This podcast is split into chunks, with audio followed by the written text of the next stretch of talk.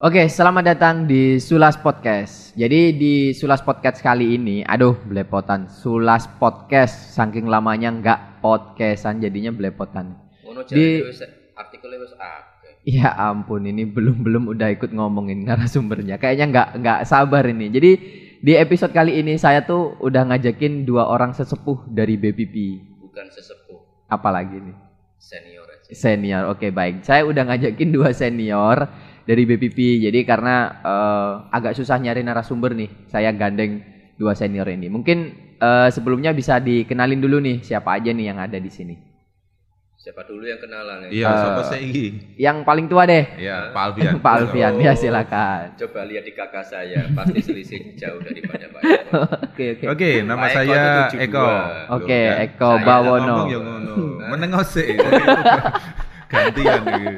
Oke, eh, yang udah ngobrol tadi siapa? Pak Eko ya? Ya, Pak Eko Bawono. Dari seksi apa nih Pak? dari pendidikan dan pelatihan. Pendidikan dan pelatihan. Untuk selanjutnya yang lebih Saya muda di TU. namanya. Oh namanya. Tadi nanya namanya. ya? Iya namanya. Nama lengkap Alfian Darja. Oke. Selisih Jadi umur sama Pak Eko ya 10 tahun. baiklah. Ya, dia Itu tua, nanti maksudnya. bisa dikat kok yang kata-kata selisih umur. Oke. Nah, eh, kenapa saya ngajakin dua senior ini? Jadi saya tuh penasaran. Kan saya kan di sini paling muda. Pegawai baru juga kan. Itu yang take video lebih muda. Saya kan paling baru. Paling baru. Nah, saya tuh nggak tahu eh apa ya kayak sejarah atau asal mula BPP itu kayak gimana gitu loh.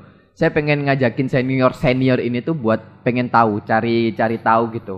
Mungkin bisa nih salah satu atau mungkin dua-duanya bareng ngobrol. eh dulunya tuh gimana sih BPP itu? Pak?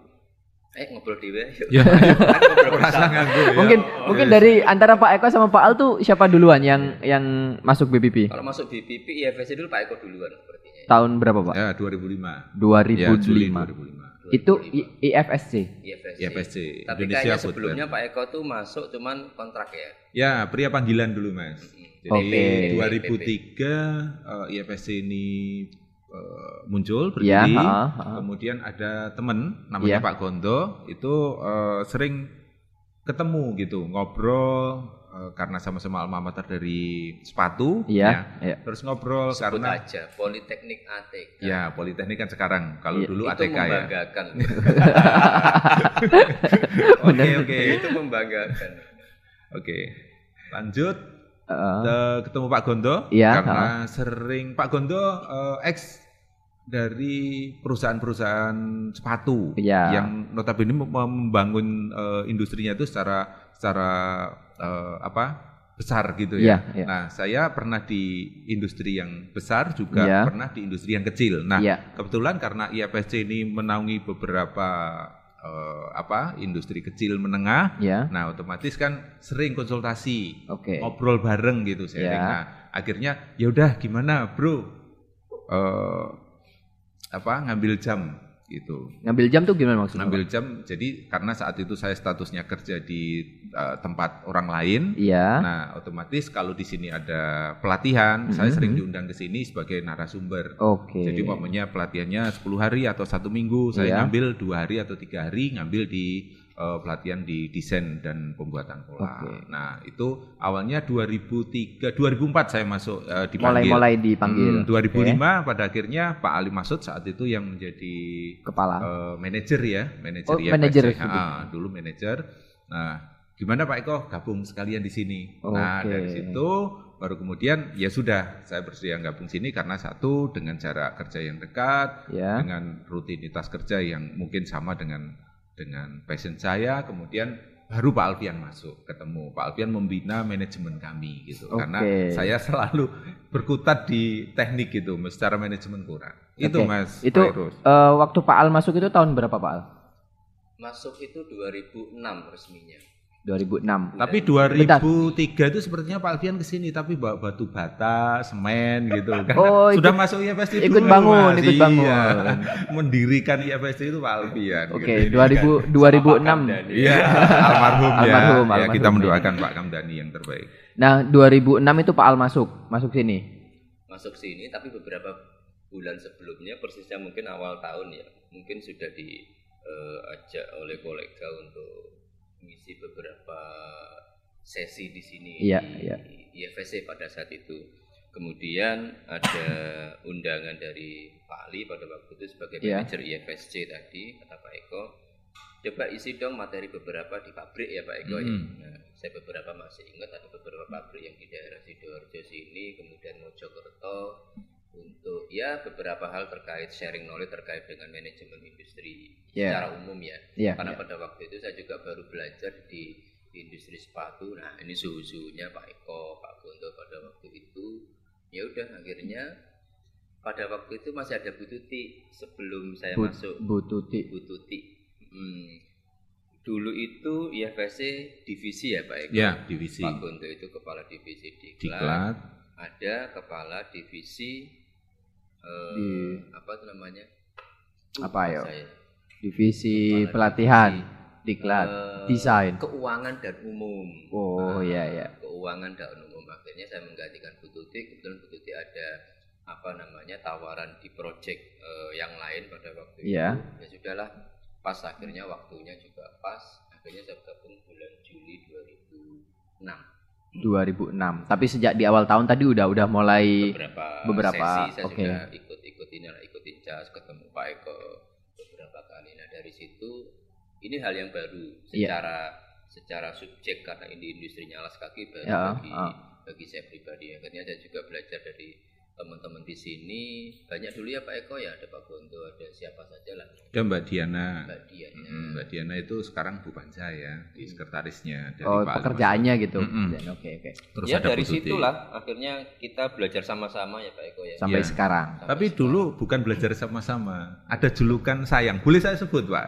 Pak Boleh, boleh, ini. boleh Iya. nih, boleh nih. Jadi Dulu- penasaran nih, iya, apa sebutan Pak saya? Alfian itu sebutan sayangnya dari teman-teman itu pildajil. Waduh, kebayang sih, langsung Iya. kebayang nih. Ah, dulu itu kan sempat eh, ada ada ini ya pencarian dai Bakat. cilik. Iya, ya, dai pencarian cilik. bakat. Nah, setiap datang Pak Alfian datang itu langsung parkirnya di di bawah pohon keres di sana.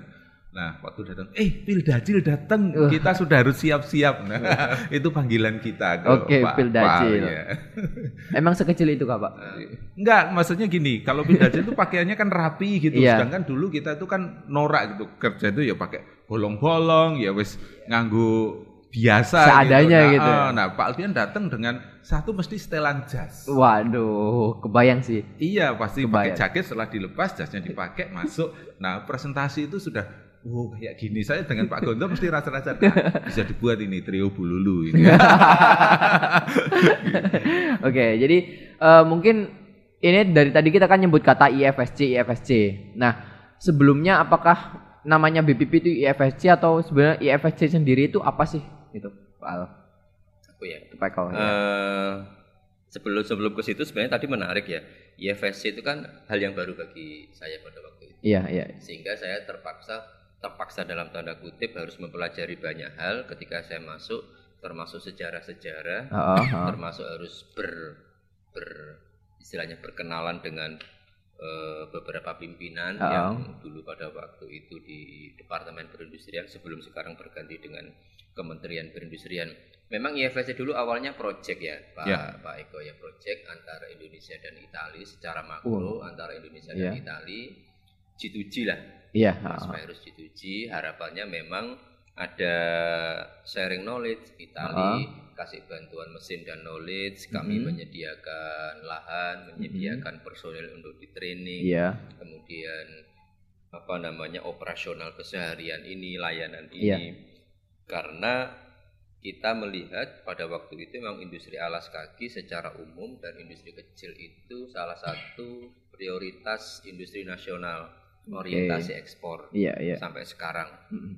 Sehingga itulah yang menjadi apa namanya ketertarikan eh, Itali untuk bisa eh, berkontribusi banyak di industri alas kaki di Indonesia Iya. karena memang Itali dulu memang concernnya ke eh, lebih ke apa ya Pak Eko sepatu-sepatu Dresus eh, itu. kulit, Dresus. Dresus. oke. jadi skillnya lebih ke artisan Iya. daripada mungkin beberapa negara eh, lain Oke. akhirnya G2G masuk di proyeknya Bapenas Iya. akhirnya jadi 2003 running kita biayai dulu segala semuanya ada lima stakeholder di sini Mas Virus Mhm. ada pengusaha lokal ada asosiasi Aprisindo Iya. asosiasi persepatuan Indonesia, Indonesia. Pak Eko ya kemudian ada Pemprov Provinsi. Jawa Timur Ya, ada Pemkap Sidoarjo ya. dan ada Kementerian Perindustrian Oke. Seluruh operasional dihandle oleh Kementerian Perindustrian Hmm. Pemprov sama Pemkap ini yang bangun Iya. bangun ini tanah ini dulu eh, bagian sharing dari pengusaha lokal di Tanggulangin Ya. sedangkan asosiasi eh, beberapa mebler setup pada Ya. waktu itu dibantu oleh eh, Aprisindo. Aprisindo. Oke. berjalan kurang lebih lima tahun singkat kata lumpur Lima tahun itu berarti berapa? 2000 Dua, sejak Lumpur 2003 ya? berapa ya 2006 2007. Ah, ah, Iya. lumpur ya pada waktu itu juga berbarengan dengan eh, resesi Eropa pada waktu itu Oke. tapi pada saat periode yang sama Ya. itu Italia juga belum memberikan komitmen hibahnya senilai 5,5 juta euro sesuai Iya. dengan perjanjian antara Indonesia dan Italia itu belum juga realisasi pada periode Belum lima dikasih. tahun Ya. belum realisasi Iya. pada lima tahun pertama beberapa kali Ego. eh, ke sini Iya. duta besarnya segala Mhm. macam tenaga ahli dari sana juga belum ini akhirnya pada waktu itu 2009 tepatnya Mas Pak 2009 ya Iya, Pak? 2009. dihandle oleh 2009. kementerian pada Iya. waktu itu eh, saya ingat betul dirjennya Pak Fauzi udah IFSC jalan sebagai satker Satker. betul akhirnya kita sudah murni sebagai satker Iya. Akhirnya ya udah seluruh pembiayaan dibiayai oleh Kementerian Perindustrian Oke. yang bantuan itu ya kita apa ya Pak kebahasannya ya Dikelola. Bu, bantuan dari Tali sa- dianggap enggak enggak anu, enggak enggak kita enggak berharap banyak dari situ Oke, oke. Itu dua, berarti 2009 ganti 2009. Ya, 2009. ikut kementerian. Jadi, Itu udah kementerian apa masih The Print? ya? sudah kementerian, kementerian. Itu udah kementerian. Oke, jadi baru 2010 SK-nya keluar Iya. 2011 kita punya anggaran sendiri oke. untuk dikelola karena Ah. sebelumnya kan dari pusat semua Iya, iya. akhirnya dari situ masuklah teman-teman tambahan ya Iya. dari PNS kemudian masuk generasinya Mas. Pairus termasuk nanti Oh, Pak masih Eko jauh lah. Pak Eko masuk ini ya apa namanya dulu Pak Ke, apa K11. K11 ya akhirnya sampai ke sini lah jadi eh kalau saya bilang perjalanannya perjalanan IFSC sampai BPB itu ya banyak ilmu secara pribadi yang saya bisa tangkap di sini Iya. Mas Virus banyak bisa belajar kepada teman-teman juga ya alhamdulillah masih bisa memberikan kontribusi di BPB dan masih Iya, iya. dipercaya oleh pimpinan-pimpinan yang ada di sini. Oke, oke. Jadi Oh, serius banget saya ngomong. ya makanya tadi saya juga takutnya ini pendengar pada tidur Iya. kalau kita terlalu serius. Sebenarnya tadi mau nyari tisu saya. Iya, cuman nangis gitu. ta- cuman ngomongin sejarah masa iya mau Iya. bercanda gitu. Nah, eh, berarti bisa dibilang di tahun 2009 itu IFSC berhenti diganti menjadi BPP gitu atau bagaimana? Ya, peralihan. ya. eh IFSC itu kalau sekedar project Iya. itu ruang lingkupnya akan sempit ya Iya. Kita Oke. hanya menunggu saat itu. menunggu. Heeh. Jadi kita eh, istilahnya kalau di aktivitas pemerintahan itu public service itu harus ada payung hukumnya. Iya, Nah, iya. akhirnya pimpinan pada waktu itu ini kalau nggak ada payung hukumnya segera dibuatkan aja gitu kan. Oke. Buatkan. BPP Balai Pengembangan Industri Persepatuan Indonesia SK Mhm. 103 tahun 2010 10 ya atau 9 saya lupa. Udah akhirnya saya 2008 Kok atau tua? 2010. aku wis tuwa iki. Oh. Ya, 103 kan? 103. Iya. Arep tok aku eling. Oh. Jadi nanti mungkin ada yang niat pengen tahu cari aja sendiri gitu Iya, apa gimana. Oke, terus selanjutnya Ya akhirnya dari BPP itulah kita sudah ada ruang lingkup yang lebih yang Luas. lebih luas, Oke. lebih spesifik dan substansinya lebih lebih dapat lah. Akhirnya kita setiap aktivitas pendampingan ke IKM, kemudian konsultasi, laboratorium itu Iya. sudah ada sudah ada payung hukumnya semua. Oke. Seandainya pun kita memungut eh, apa namanya memungut Biaya. biaya atas layanan yang ada di BPP itu Iya. sudah tidak melanggar hukum. Hmm, Oke. Kemudian lebih ada kepastian pembiayaan fasilitasi untuk IKM. Misalkan kita dulu ngasih fasilitasi untuk pameran ke luar negeri. Pameran eh, ke dalam negeri anggarannya sudah jelas. Iya. Kalau ada pelatihan di sini sudah nggak ada pungutan lagi. Oke. Ya lebih inilah karena pegawainya pada waktu itu sudah lebih ini ya, lebih lebih Apa? Lebih apa nih? Berintegritas. Lebih banyak Secara finansial juga lebih ini lebih terjamin. terjamin. Oke. Kalau Jadi- sudah sudah resmi kan. Iya, iya. Cantolan hukumnya sudah ada. Oh iya. Saya dulu cuma 10 bulan. Maksudnya 10 bulan itu gimana, Pak? Iya, karena dianggap tenaga ahli di situ, Mm-mm. jadi masih ingat banget bersama dengan Pak Yusuf Suhari ya. Mm. Nah, itu masuk di tenaga ahli, jadi hitungannya cuma Januari sampai dengan Oktober. eh, Oktober. Jadi No- November, Desember. Desember, nganggur. Oh, nggak nggak kerja berarti Nggak ya? kerja, oh, gitu. kirain Karena- tetap kerja tapi nggak dibayar gitu, Pak. Ya sering datang ke sini, Oh, oke. ketemu Pak Oke. Alfian. Ya. Eh langsung diutang. Isih lah. Ini malah ngomongin hutang di podcast saya, bisa-bisa. Ya nambahin dari Pak Alfian tadi. Iya, iya, Jadi siap. eh, 2004 tadi Iya. sering datang sini kerjasama karena bidangnya di teknis ya. Iya, iya. Jadi eh, banyak sekali kegiatan-kegiatan yang karena ilmu persepatuan untuk teman-teman IKM ini masih masih belum banyak. Iya. Jadi dulu masih ingat banget eh, instruktur atau narasumber yang diundang itu dari beberapa kota. Contoh Iya. dosen saya dulu, jadi Bu Rosma Raja Guguk dari Balai Besar Kulit Karet Plastik. dulu. Iya. Ah, terus kemudian datang ke sini, baru kemudian eh, hanya bisa di tiga hari, yang sisanya di prakteknya nggak bisa menemen- nemenin gitu. Iya, karena harus balik ya. Ah, ah. nah saya dengan Pak Gondo. Nah dari situ akhirnya dikembangkan, dikembangkan sampai eh, ruang pelatihan kita itu Iya. kurang. Jadi contoh kalau pelatihannya harus ada eh, saat itu baru baru barunya Corel Draw. Iya. Nah, akhirnya kita kerjasama sama SMK apa itu Perkapalan. Eh, perkapalan. Nah, kita Kerjasama Sidoarjo. kerjasama, kerjasama dalam bidang apa nih? itu bidangnya eh, jadi kita yang ngajar, Iya. terus kemudian eh, peralatannya di sana. Jadi Oh, pelatihannya oke. dari teman-teman ini kita bawa ke sana. Oke, jadi karena pelatihan Corel Draw tadi, Pak ya? Iya. Di sini emang belum ada belum ada, belum ada. belum ada komputernya gitu ya? Hmm. Masih Miss Queen. Ya, masih ingat itu. Jadi oh, waktu mesin datang, terus kemudian ada apa eh, tutorial ya, terus ada apa istilahnya dalam eh, apa kita dulu masih masih full ya Iya. dari mesin yang teknis maupun yang laboratorium. Iya. Kalau ada di eh, workshop datang semuanya ikut. Terus Oke. nanti yang di laboratorium ya semuanya ikut gitu. Oke, Jadi masing-masing eh, punya punya apa pengembangan diri baik teknis di workshop maupun teknis di laboratorium. Baik teman juga yang yang sekarang jadi instruktur itu ada ada beberapa ya, ada Iya. Pak Pak Yudi, ada Pak Samsul. Pak Samsul. Nah, itu pengembangan pengembangan diri di BWP. Dulu adalah eh, office boy. Oke. Ya, terus Di awal-awal kerja di awal di- di kerja sini ya, di, ya? di FSC. Hmm. Kemudian ditawari kalau pengen eh, apa meningkatkan kemampuannya silahkan di luar jam kerja belajar belajar. Akhirnya sekarang sudah menjadi bisa. Hmm. Oke, gitu. iya, memang eh, jadi jadi teman kerja saya juga kan Ya. akhirnya. Saya juga dulunya nganggap mereka eh, belajar dari mana apakah IKM kemarin sempat ngobrol ternyata mereka juga belajarnya di tempat kerja. Hmm. Jadi bisa ya kalau ada orang bilang eh, kenapa milih kerja karena pengen belajar juga di situ itu berarti ada ada ini Bisa. buktinya Tapi ya, ada enggak, enggak contohnya. terbukti kalau untuk Pak Alfian. Karena Gitu Pak ya. Alfian itu selalu ada di luarnya.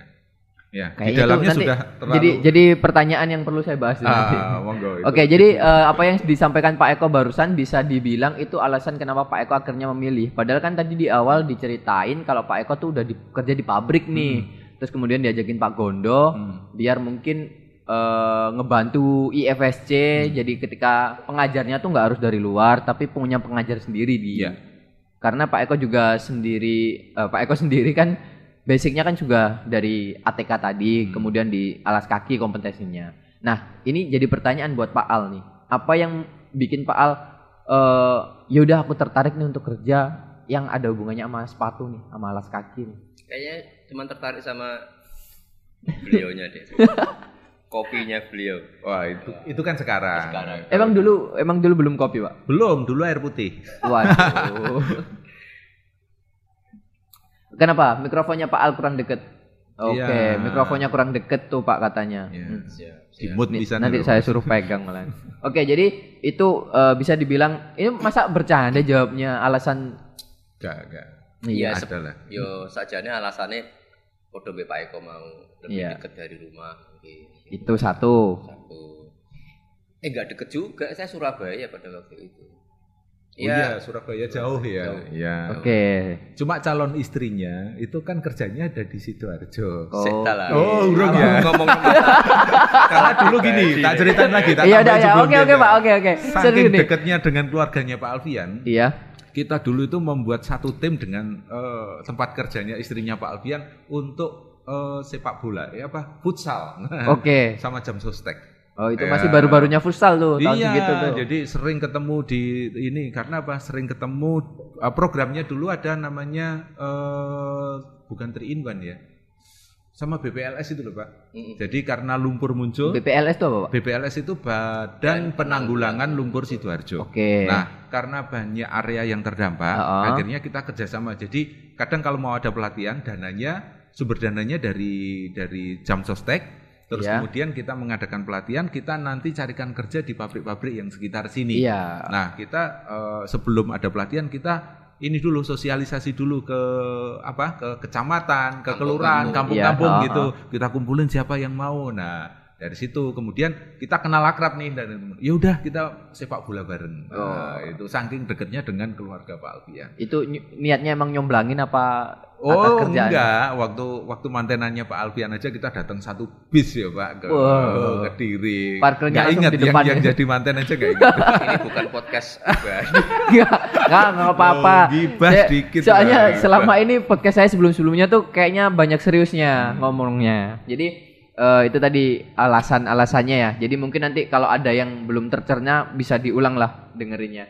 Nah, kalau bisa dihitung berarti Pak Eko tuh udah berapa tahun Pak di sini? 10 Ya eh, berarti kan 16 ya. 2000 2005 2005. ke Iya. 2000 16 tahun. Iya, Ya, 16 kurang lebih 16 tahun Pak Alfian Iya, 14. 14 ya. Nah, pasti eh, banyak momen-momen yang udah dilewatin gitu dari dari mungkin teman kerja yang pindah, kemudian teman kerja baru, kemudian pergantian nama tadi kayaknya mengalami juga kan dari IFS. Yang paling saya ingat tuh momen- momen-momen saya pertikaian. Enggak, saya mau nanyanya momen tersedih dulu. Set momen tuh apa yang kayaknya aduh, kayaknya jangan terulang lagi deh momen ini gitu. Entah urusan kerjaan atau pertemanan atau motornya hilang iya. di kantor atau gimana Iya. mungkin. Aku pernah kehilangan jam satu di sini. HP HP. ya HP di di musola. HP ini Siemens C52 kalau nggak salah. Waduh, Aku jelas banget, detail banget. karena dia dulu kayaknya mainnya oh iya. Hilangnya Hilang di mana? di musola Itu teledor, Pak, bukan hilang kalau Ah, buat saya. saya juga gitu saya Iya. khawatir dengan istrinya juga yang digandeng juga waktu mau pulang beda kok kalau itu milih sepertinya Ya momen-momen tersedih sebenarnya eh, jujur untuk beberapa pergantian pimpinan dari awal sampai akhir kan Iya. boleh dibilang apa ya dinamikanya eh, beda-beda dinamikanya beda-beda, karakternya beda-beda. Tapi saya bersyukur eh, ada kedekatan emosional dengan setiap pemimpin yang se- eh, ada di sini mulai dari zaman Pak Ali sampai Pak Edi sini. Iya, iya. Eh, ketika apa namanya bonding eh, bonding itu sudah eh, kuat dengan organisasi Mhm. BPB atau IFSC pada saat itu sebenarnya yang pada saat yang berat adalah ketika memutuskan hal-hal yang tidak sesuai dengan keinginan atau nurani. iya. Jadi mungkin pertimbangannya pimpinan lain gitu ya. Uh-uh. Pimpinan mulai dari zaman Pak Ali. eh, ya boleh dibilang empat periode ini hampir setiap periode saya pernah mengajukan pengunduran diri. Wah, Resign, resign. resign gitu kan. Resign ini ceritanya. Surat. Kalau surat berapa kali ya? Dua mungkin. Uh-uh. Kalau untuk yang sekedar Lisan. lisan ya ya setiap pimpinan saya pernah menyampaikan itu.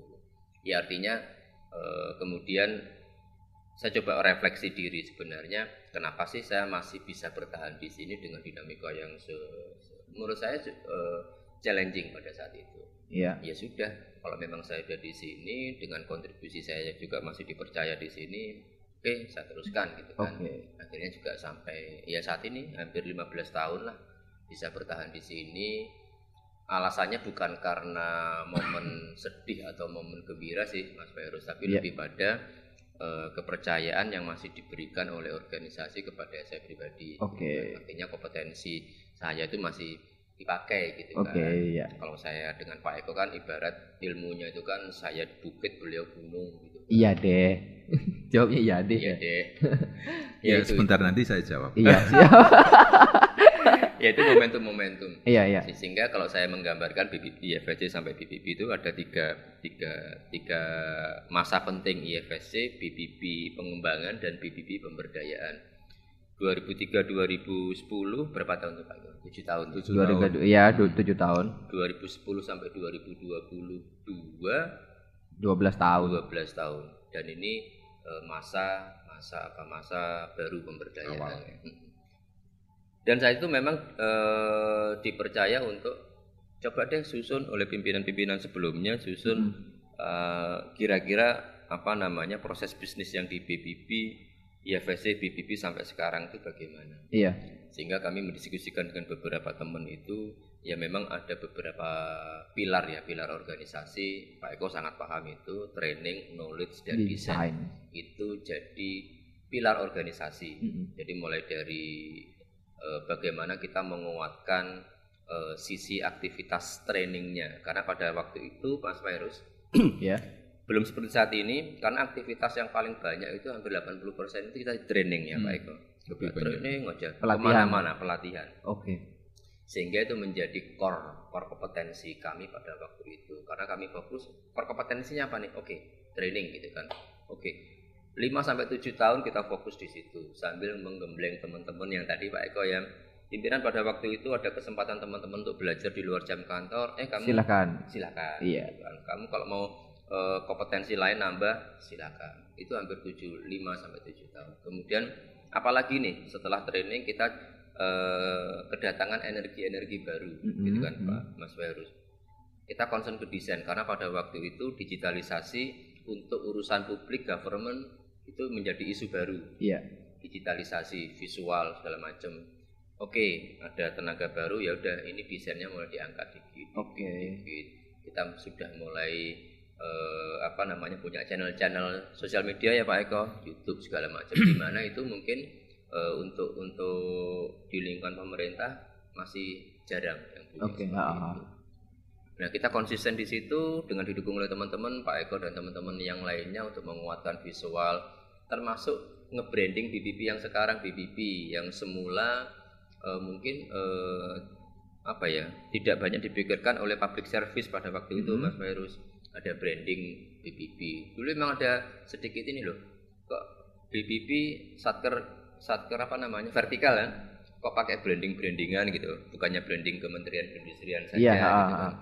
Ya, akhirnya saya nggak tahu pada waktu itu ternyata secara bersamaan Kementerian Perindustrian juga membranding logo yang baru pada Ah, waktu itu Iya. yang tiga warna itu ya, Iya, yang ya. baru. ada green industry apa segala macam ya momennya pas akhirnya ya udah kita kuatin di situ kurang lebih lima tahun sampai sekarang Mhm. nah sekarang dengan pimpinan baru dulu du- dia kurang lebih tiga empat tahun yang lalu sudah menguatkan hal-hal di knowledge Iya.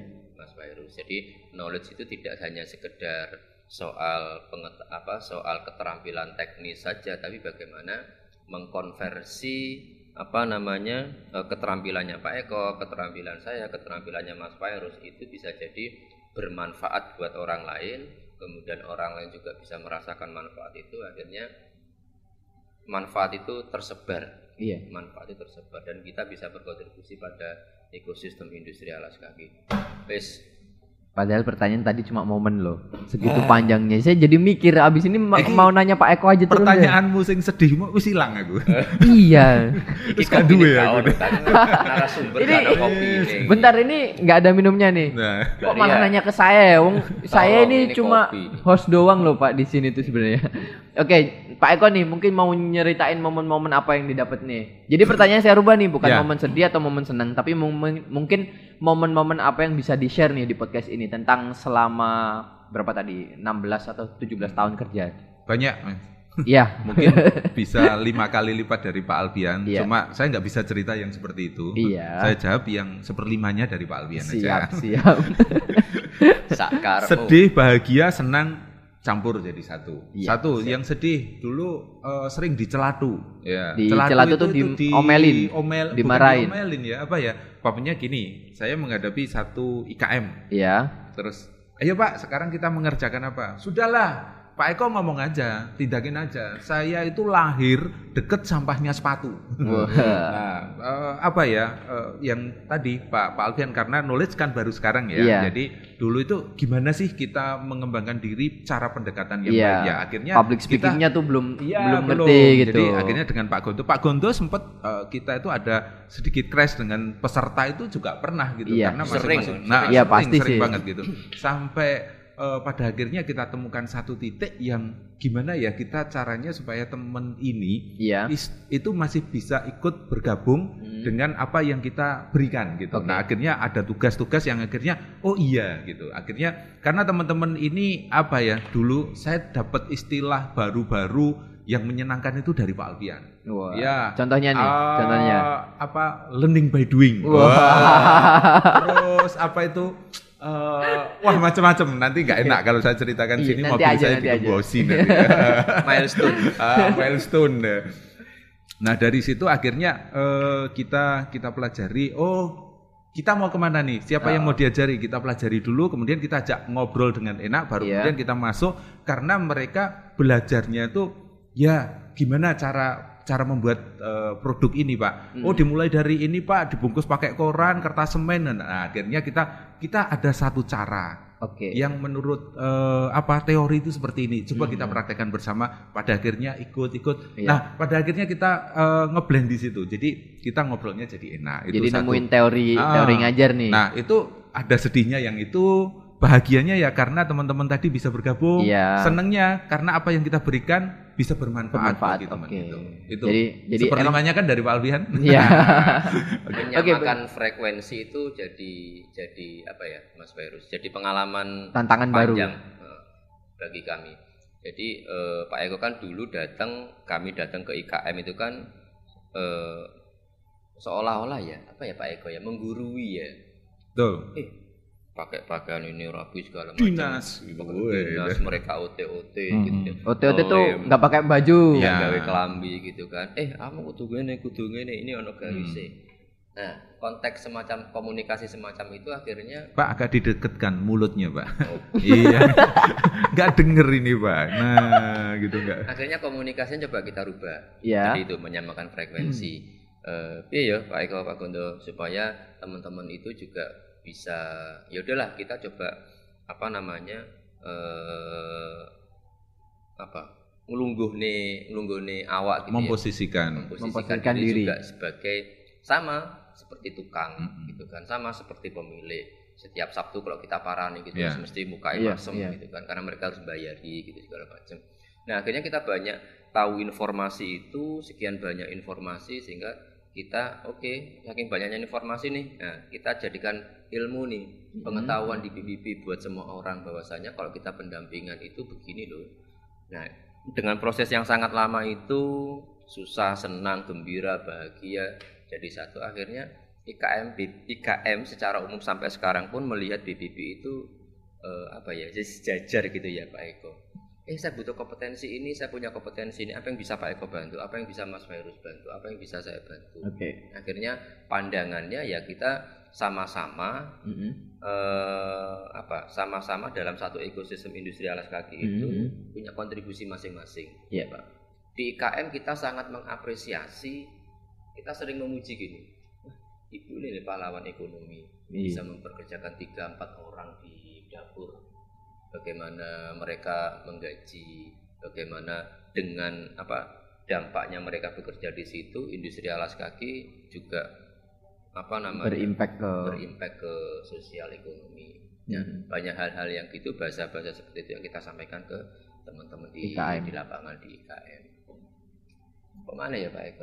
apa? Emang pertanyaan tadi apa? Apa pertanyaan? Nah, tadi kan saya tanya ke Pak Eko. Iya, makanya aku sih mau mencerna, tapi tapi luar biasa dengan dengan pe- apa pemaparan Pak Alfian ini. semakin nah, semakin Menambah, jelas kan. iya. Kalau saya kan cuma di dasarnya. Ya itu tadi yang membedakan. Saya gunung tapi Iya. tertutup kabut. Kalau Pak Alfian bukit tapi cerah. Ya, gitu oke.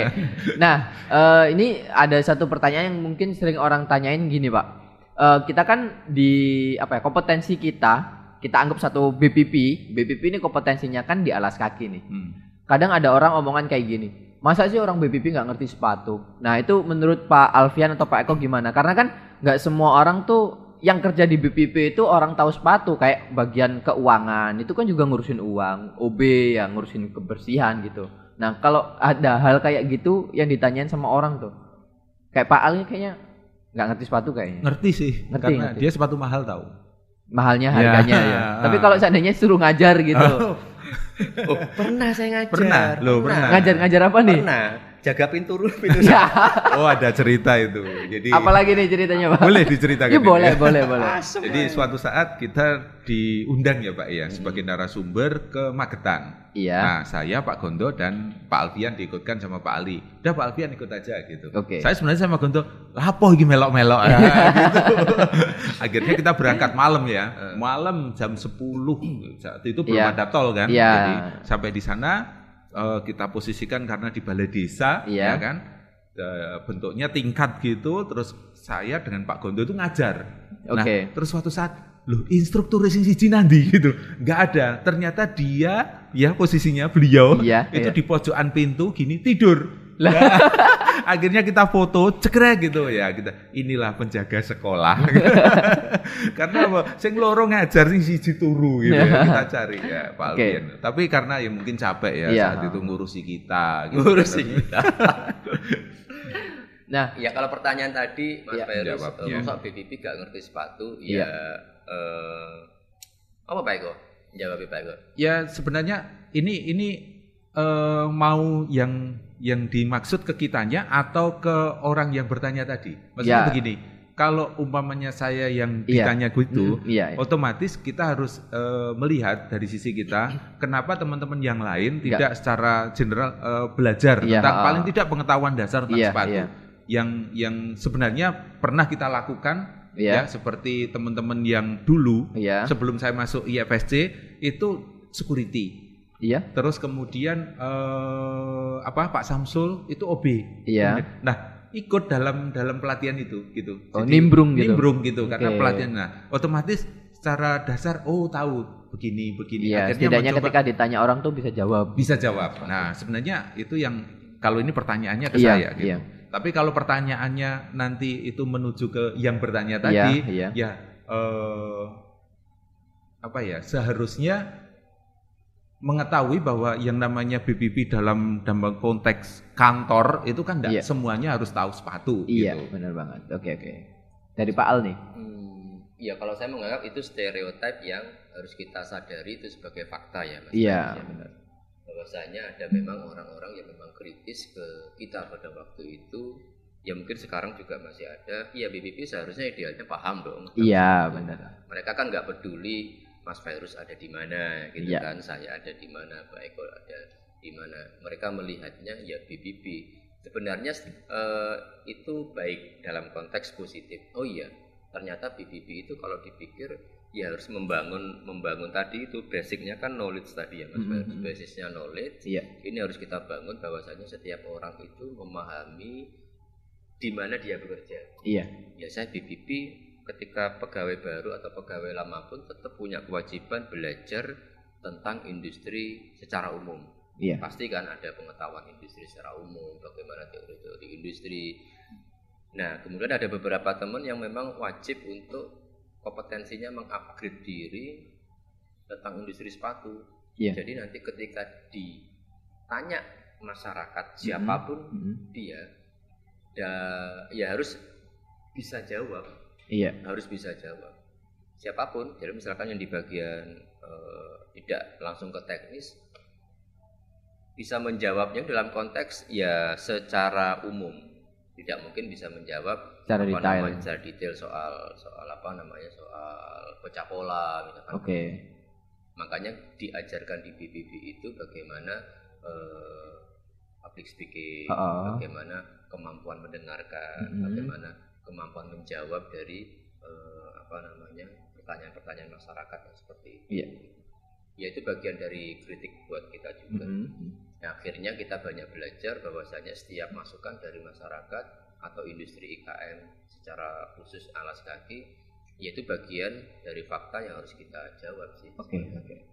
Mas Fairuz misalkan, oh nggak ngerti sih masalah kulit, oh iya pak, saya ada bagian eh, teman saya yang sangat ahli dengan kulit, ya mungkin bisa diarahkan ke eh, Yang bersangkutan. Yang bersangkutan. Tapi kan secara umum, Intinya Iya. iso ngeles ngono, Pak. Oke. Enggak tapi tapi tadi waktu Pak Al bilang bisa jawab tentang cara pecah pola nggak mungkin juga sih Pak ya. Hmm. Ada orang tanya terus ah sini langsung tak ajarin pecah pola kan nggak juga ya Iya, kita. Sebagai dasar. Tapi aja. eh, nah itu Banyak. pertanyaan itu sebenarnya pengen saya sambungin ke gimana cara kita tuh ngasih ngasih apa ya? Kayak teman-teman tuh biar sadar, oh ya aku tuh pengen setidaknya tahu nih dasar-dasar mungkin bentuk-bentuknya sepatu, kayak ini sepatu apa sebutannya, sepatu apa sebutannya gitu loh. Jadi eh, gimana mungkin dari Pak Al nih yang mungkin seorang apa ya? thinker nih, pemikir. betul. Programmer. Iya, programmer. ya mungkin eh, nemuin Bisa cara dilihat dari apanya, Mas? Iya. Nanti ini ada visualnya nggak, Mbak Ria? Ada ya, Wah, oke. Ada, ya. Nah, Itu kalau. botak, botak. Jadi kalau eh, kalau mungkin dari Pak Al gimana caranya biar teman-teman tuh eh, apa ya ada kesadaran untuk mau mau cari tahu kayak dulu kan bisa di bisa saya ulang kayak tadi Pak Samsul, Pak Yudi akhirnya mereka tuh ada keinginan untuk belajar gitu. Nah, sekarang tuh kayaknya kalau saya ngelihat tuh ya udah itu bagianmu ya bagianmu, bagianku bagianku gitu. Iya. Nah, Satu hal yang penting dalam organisasi itu adalah lingkungannya. kurang dekat Iya. Pak mic. Iya. Tes, Nah, sip. oke. Satu hal yang paling penting dalam organisasi itu adalah membangun lingkungan. Ya, Oke, benar. Eh, sesuai dengan arahan pimpinan, jadi bagaimana lingkungan itu dibangun kondusif, positif untuk setiap orang bisa belajar banyak hal. Oke. Tidak harus misalkan Pak Eko eh, teknisnya harus eh, didesain, tidak boleh belajar soal tentang quality misalnya, Iya. Tentang laboratorium, Hmm. tentang apalah eh, apa namanya tentang Apa? konstruksi tulang misalkan Pak Eko hal yang terbaru nih ya Iya. apa namanya soal kaki Anatomi. segala- anatomi kaki sehingga lingkungan itu perlu diciptakan khususnya untuk kasus BBB itu untuk setiap orang itu eh, mau belajar mau Oke. membaca dan mau diskusi Iya. Nah, sehingga kita menciptakan suatu apa namanya ya ruang publik, ruang diskusi di BBB supaya banyak hal eh, itu bisa kita tukar menukar informasi, tukar menukar Oke. pengetahuan. Eh, ya sebenarnya setiap orang harus ya Mas Virus ya harus terus belajar ya, benar Iya. kan? Harus terus belajar. Karena kita tidak mungkin menghabiskan waktu kita itu di sini tidak untuk belajar. Kalau nggak belajar sebenarnya rugi juga kita Benar, benar. untuk menyampaikan apa namanya eh, banyak hal yang tidak kita punyai sehingga kita jadi apa? Jadi lebih lebih Apa? lebih pinter ya, Jadi lebih banyak pengetahuan. lebih banyak pengetahuan. Misalkan saya juga nggak pernah menyerap ilmunya Pak Eko, ya nggak perlu ilmunya. Tuh kan.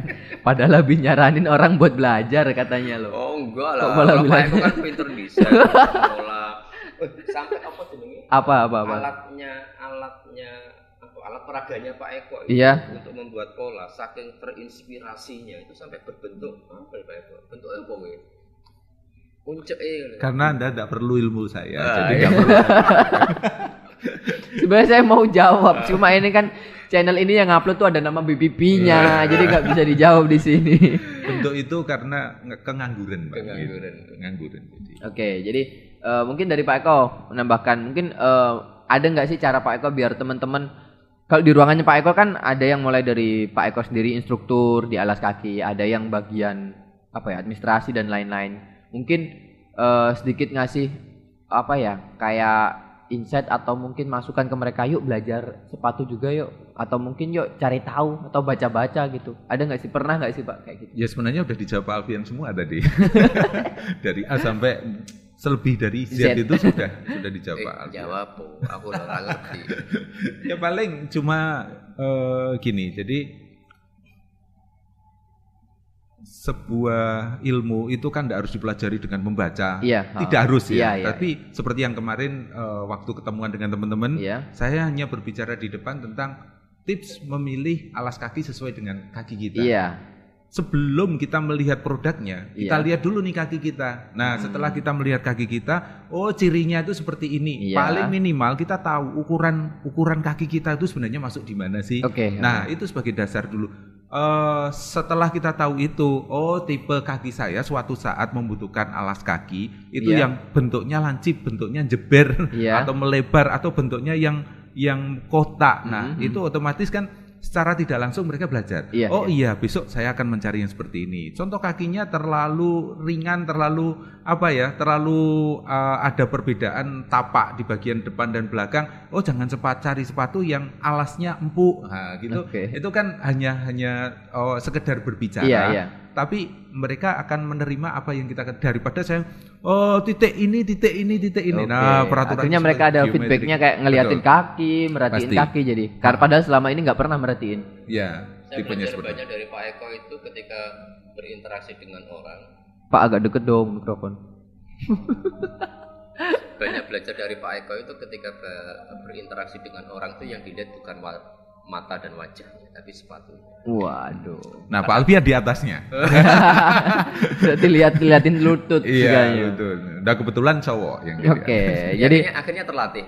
Ini jujur terlatih. Terlatih eh, satu paling enggak. Oh, itu mereknya apa ya? berarti kalau ketemu orang lihat-lihat ke sepatunya dulu. Eh, anu, akhirnya sudah jadi ini eh, apa ya mas? Otomatis ini. Wis default. Oh iya.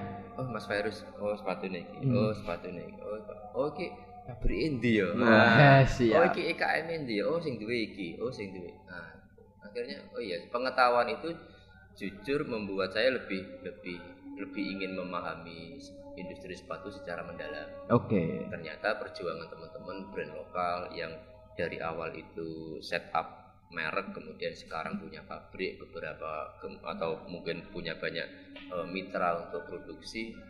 Oh iya ya ternyata perjuangannya sampai segitunya ya Pak Eko ya. Oke. Oh sepatunya Pak Eko ini, oh itu dibikin di sini, oh itu sampai harga produksinya tahu misalnya Iya, gitu. ha, ha. Ternyata efeknya itu sampai sekarang itu ketika ada masalah itu teman-teman pasti Mas Eko juga pernah kayak gitu kan, Mas Virus juga Apa? karena kenalnya baik, eh ada masalah ini WA gitu kan, eh ada masalah ini saya di WA. Jadi perkembangan industri di teman-teman juga kita lebih lebih lebih tahu gitu Iya, kan, iya. akhirnya di sharing ke teman-teman juga. Eh rego bahan munda iki piye gitu. Eh eh, kemarin soal apa namanya? Soal PayPal diblokir. Iya, Nah, iya. Gitu. Akhirnya kan juga ngerti. Sebelumnya nggak paham. Oh iya ya. Di masa nggak ngikutin sosial media, Pak Al? Followerku titik. Bukan, maksudnya kalau ngikutin kan nggak harus follower. Oh iya. Yang di following ini kayaknya Iya, yang, yang nggak nggak update. yang beda-beda Hmm, itu. hmm. Nomor satu. Ah. Tuh kan. Oke. ya gitulah akhirnya Hmm. eh, ya banyak banyak banyak ilmu juga banyak peng... akhirnya banyak teman juga Mas. Ah, ah, iya. banyak teman kalau ke mana-mana mesti ada aja acara untuk bisa dikunjungi Iya. gitu kan untuk berdiskusi dengan teman-teman apalagi Pak Eko setiap kota itu kan pasti nemu Punya. aja kolega Ada alumni. temen, ada alumni apalagi alumni. Alumni ATK kan tersebar ke seluruh penjuru Bah. dunia gitu Iya dong, iya dong kita ada di mana-mana. Kebetulan saya juga alumni ATK. Kok Sorry ada ya ya, orang nggak iya. kuliah di ATK itu, Ah, Pak? Kok nggak kenal ATK lagi? ya gitu? iya itu loh. Taunya alat tulis kantor. aku gambas di tiga nih Oke. Nah, itu mungkin kalau dilihat di sini di podcast ini kayaknya semua bakal ini visualnya bakal diupload nggak, Pak, di YouTube? Saya nanya dulu nih sama adminnya. Belum tentu ya. Mungkin jaga-jaga nih kalau seandainya visualnya nanti bakal diupload di YouTube. Mungkin aman aman gak nih aman Aman. aman sih, Aman. ada editornya. Eh, biasanya editornya telinganya harus kuat sih dengerin obrolan kita dulu. Karena mungkin kalau dilihat di sini kita tuh ada di mesin-mesin baru BPP nih. Ini mesin mesin apa nih, Pak? Ini laboratorium Kimia. Kimia. kimia. Nah ini di belakang saya tuh ada eh, mesin-mesin di dalam laboratorium kimia. Jadi benar-benar berkembang banget yang awalnya kita hanya pelatihan-pelatihan sampai sekarang ada laboratorium kimia. Fisikanya udah ada ya. Nah jadi eh, ya itulah sedikit apa ya cerita tentang bagaimana BPP ada awalnya, kemudian sebelum BPP pun ada IFSC. Jadi uh, bukannya kita nggak bisa move on, tapi kan emang harus selalu mengingat sejarah kan untuk selalu melihat masa lalu. Bukan berarti nggak nggak mau move on atau nggak mau nggak mau apa ya nggak mau berubah, tapi itu bisa menjadi salah satu pelajaran kita untuk ke depannya gitu. Mungkin yang gagal-gagal di masa lalu bisa kita perbaiki di masa depan. Dan uh, boleh dibilang nggak sih pak kalau kita tuh bakal ganti nama sepertinya? Ganti nama kemarin kita maksudnya gimana? 2002 kemarin. Iya, uh, karena kan kita, iya kita kan sekarang tadi kan kita ngomongin dari IFSC ganti ke BPP Balai Pengembangan Oh, oke. Industri Persepatan Indonesia. Kalau sedikit disinggung di sini boleh nggak sih? Boleh, boleh. Boleh boleh. Oke. Jadi perubahan nama itu sebenarnya eh, ini ya mengikuti mengikuti perkembangan apa? Perkembangan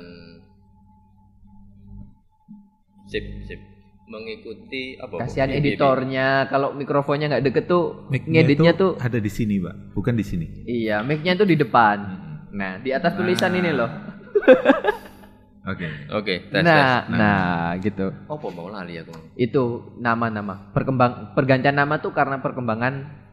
Ya lebih ke tuntutan ini aja, tuntutan eh, perkembangan birokrasi. Oke. Karena pimpinan juga memberikan arahan eh, ke setiap organisasi, terutama organisasi publik di Iya. kementerian itu, kita itu harus banyak fungsi Iya. eh, efisien di struktur gitu kan, sehingga fungsi-fungsi kita tentang pengembangan IKM, wirausaha baru alas kaki itu Iya. lebih secara substansi itu lebih dalam sehingga teman-teman IKM itu yang ada di lapangan sentra itu lebih eh, merasakan manfaat yang kita berikan pada Oke. saat kita memberikan layanan. Dengan perkembangan eh, apa namanya perubahan dari balai pengembangan ke balai pemberdayaan Disebut. sebenarnya maksud sih Iya. dari balai pengembangan disebut. ke Jangan disebut dulu nanti biar mereka penasaran terus lihat di IG kita gitu loh Pak. Gitu loh. Aduh ini nggak bisa diajakin drama Cut, di cut, cut. Lah, biar ntar dikat sama itu. Kon ngomong pemberdayaan. Iya nggak maksudnya kita mau ganti nama, apa? ganti Oh, namanya apa? iya, iya. Eh gitu. Ya kita cari yang Nanti pas di-cut, gitu. Mbak, ini ya. Potong lebih ya kalau bisa. Honore berkurang ya. Oke, Ya, lanjut. Perubahan di BBB sesuatu yang yang apa yang yang normal karena Iya, oke. di BBB dari IFC juga dulu juga mengalami beberapa eh, momentum yang membuat kita justru merasa terdorong untuk untuk berubah. Oke. Kita ingin bahwasanya mindset eh, birokrasi, mindset teman-teman di dalam BBB itu eh, apa namanya lebih fo- lebih informal, Mas Fairuz. Jadi tidak tidak seperti birokrasi secara umum yang yang apa namanya ya begitulah apa namanya visual di masyarakat itu kan birokrasi kaku, gitu. birokrasi cenderung eh, menakutkan. Nah kami mencoba eh, experience baru Iya. begitu eh, dari FSC ke BBB experience-nya ini Iya. karena pub- public service itu kan di mana-mana SOP-nya sama ya Mas Iya. Ferus ya datang menghadap segala macam dilayani ada SOP-nya Iya. tapi ketika masuk ke BBB itu ada experience. Nilai-nilai apa? Nilai yang beda pengalaman yang beda. Pengalaman, kalau iya. kita yang menyebutkan Mas Ferus menyebutkan itu kan eh, apa? Customer experience gitu kan. Jadi nuansanya berbeda ketika kita masuk BBB ditunjukkan apa namanya sepatu ditunjukkan desain-desain yang di yang di depan itu kemudian ada poster ada beberapa eh, hal visual yang cukup atraktif sehingga eh, customer datang ke sini oh iya BBB bagus ya oh BBB kurang ini ya oh mau di nanti mungkin bisa ditambahkan inilah berbanyak hal yang akhirnya kita eh, ikut berpikir pada saat itu sekalipun toh ada perubahan apa namanya baru Iya, perubahan dari nama. pengembangan ke apalah nanti Iya. teman-teman sudah siap Oke. teman-teman sudah siap kita sudah eh, apa namanya punya punya fondasi yang kalau boleh saya eh, sebutkan itu sudah sangat kuat Iya. untuk mengalami perubahan lah Oke, oke, oke. wis cukup Udah cukup. Pak Eko, udah cukup ya? Ya, jadi buat yang penasaran nih BPP, dulunya yang namanya IFSC kemudian ganti jadi BPP. IFSC tuh Apa? Dulu itu sempat Indonesia. jadi julukan gini, tukang servis sepatu. Karena Oke. Indonesia Footwear Service, Service Center. Center. Oke, itu kan English banget tuh namanya. Iya. Indonesian Footwear sepatu. Service Center. Center. Dulunya IFSC, Jadi kemudian Balai jadi BPP, Balai Pengembangan Pengembangan Industri Industri Persepatuan Indonesia. Nah, ini kabarnya bakal ganti nama lagi nih. Nah, kalau penasaran ikutin terus eh, update-updatean dari teman-teman BPP ini dari sosial medianya di Instagram, Twitter, kemudian Facebook juga, YouTube juga ada. Jadi eh, buat semua yang dengerin podcast ini eh, karena sudah asar, sebentar lagi kita mau sholat, kemudian pulang. Jadi mungkin eh, podcast ini saya sudahi saja karena eh, karena udah mulai nggak kondusif. Yang satu kalau ngomong lama bikin ngantuk Betul. Dan kayaknya nggak bisa direm juga, mikrofon kejauhan. Udahlah eh, mungkin eh, Rapid ya, Mas, ya? ora ono Iya, kopi Pak. ini. Kasihan yang edit soalnya nanti. Oke, jadi buat teman-teman yang udah dengerin podcast ini terima kasih. Sampai jumpa di episode selanjutnya. Salam sepatu. Bye. Semangat cepat jitu. Wah, keren nih ada yang jawab.